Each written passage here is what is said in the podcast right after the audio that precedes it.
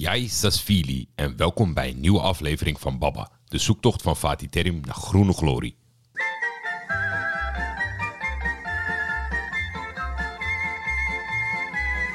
Eerst heb ik te horen gekregen toen ik kwam. Hier gaat het alleen maar om winnen in dit land. Dat was de kritiek omdat ik te veel aandacht aan goed voetbal besteedde vorig jaar. Panathinaike, Panathinaike, Panathinaike, en de meesten hier zeggen dat ze een Panathinaikos hart hebben. Ik merk er weinig van.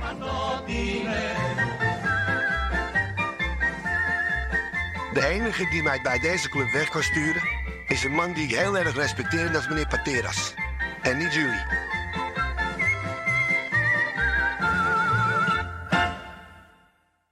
Vrienden, ik ga maar meteen met de deur in huis vallen. We houden het vandaag kort. Asteras Tripolis is vandaag naar het Apostolos Nikolaidis gekomen om een beetje in de weg te lopen, meer niet. En af en toe een tegenstander een schop te geven. De ziekenboeg stroomt langzamerhand wel erg vol zo. Na een half uur spelen kon linksbuiten Benjamin Verbic niet verder spelen. En na een uur moest Fotis vervanger Andras Sporar ook het veld geblesseerd verlaten. Vooral deze zal bij Terim de nodige onrust veroorzaken, omdat ik erachter ben gekomen dat Ioannidis van de week in de beker tegen Olympiakos en vandaag niet bij de selectie zat vanwege een spierblessure. Na het uitvallen van Andras schoof Bernard richting de spits. En we konden allemaal al vrij rap zien dat is geen oplossing voor het volgende duel. Het tegenhouden ging Asteras overigens best goed af, want het duurde tot vijf minuten na rust dat de thuisploeg wist te scoren. Bernard stuurde Daniel Mancini de diepte in en zijn harde voorzet werd door iedereen gemist achterin bij Asteras, zodat Aitor Cantalepiedra hem contra kon binnenschuiven. De ontlading en vooral de opluchting was groot bij staf en spelers. Een kwartiertje later was het Tin Jetwai die uit een corner van Aitor binnenknikte voor zijn tweede competitiedoelpunt op rij.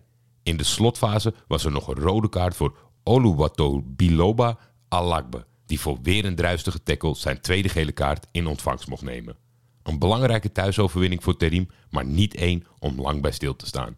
Ik was blij dat ik tijdens het eerste half uur een tweede scherm had om stiekem de monsterzegen van Galatasaray op bezoek bij Trabzonspor af te kijken. Dan maar meteen de overige uitslagen van deze speelronde om het belang van deze overwinning te duiden.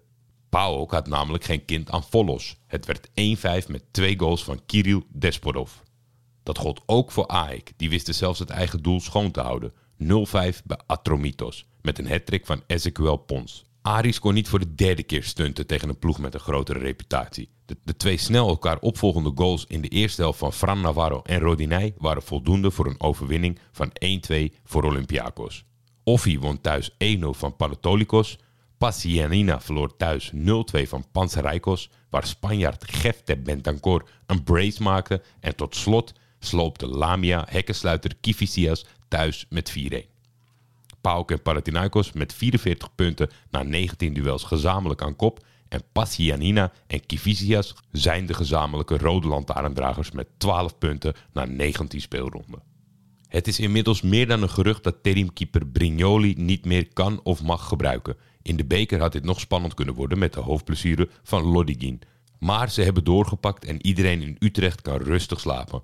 De 26-jarige Poolse keeper Bartlomi Dragowski is namelijk gehuurd van Spezia. De keeper die afgelopen anderhalf jaar bij Spezia vaste waarde was onder de lat en eerder al twee seizoenen eerste keeper was bij Fiorentina, raakte na zijn blessure niet lang voor de winterstop zijn plek kwijt aan Jaja Jeroensoet. Die zit daar nog steeds en is nu eerste keeper. Met zijn track record verwacht ik dat het niet lang gaat duren voordat wij hem in actie zien in Athene.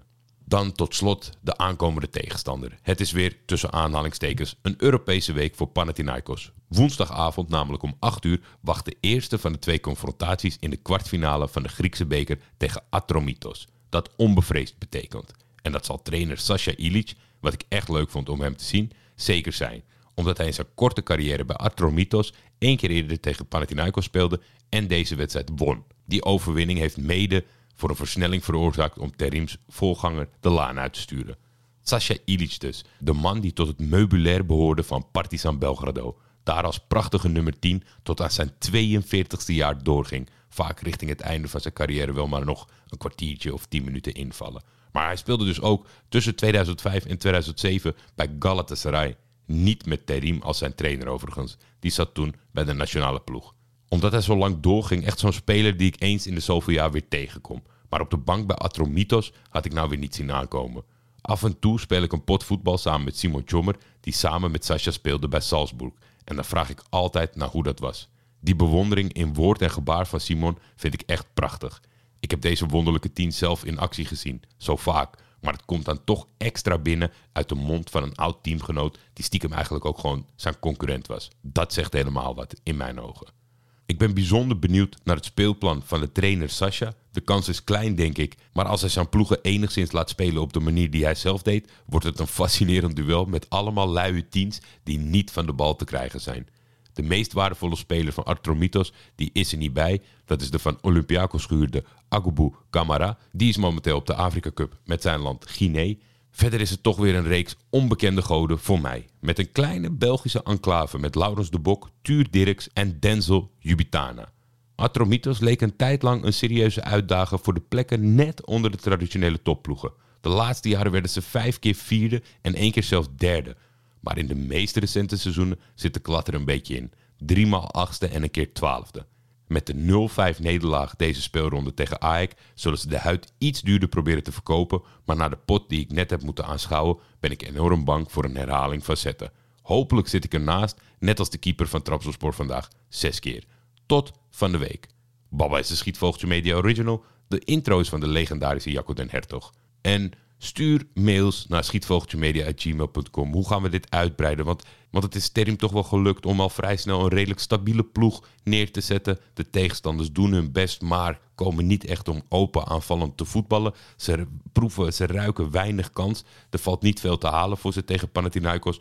Dus ik ben bang dat we tegen de kleintjes nog een heleboel van dit soort duels gaan zien. Wat moet ik vertellen? Moeten we uitbreiden? Waar moeten we ons op richten? Mailen, mailen of berichten. Ik heb jullie nodig.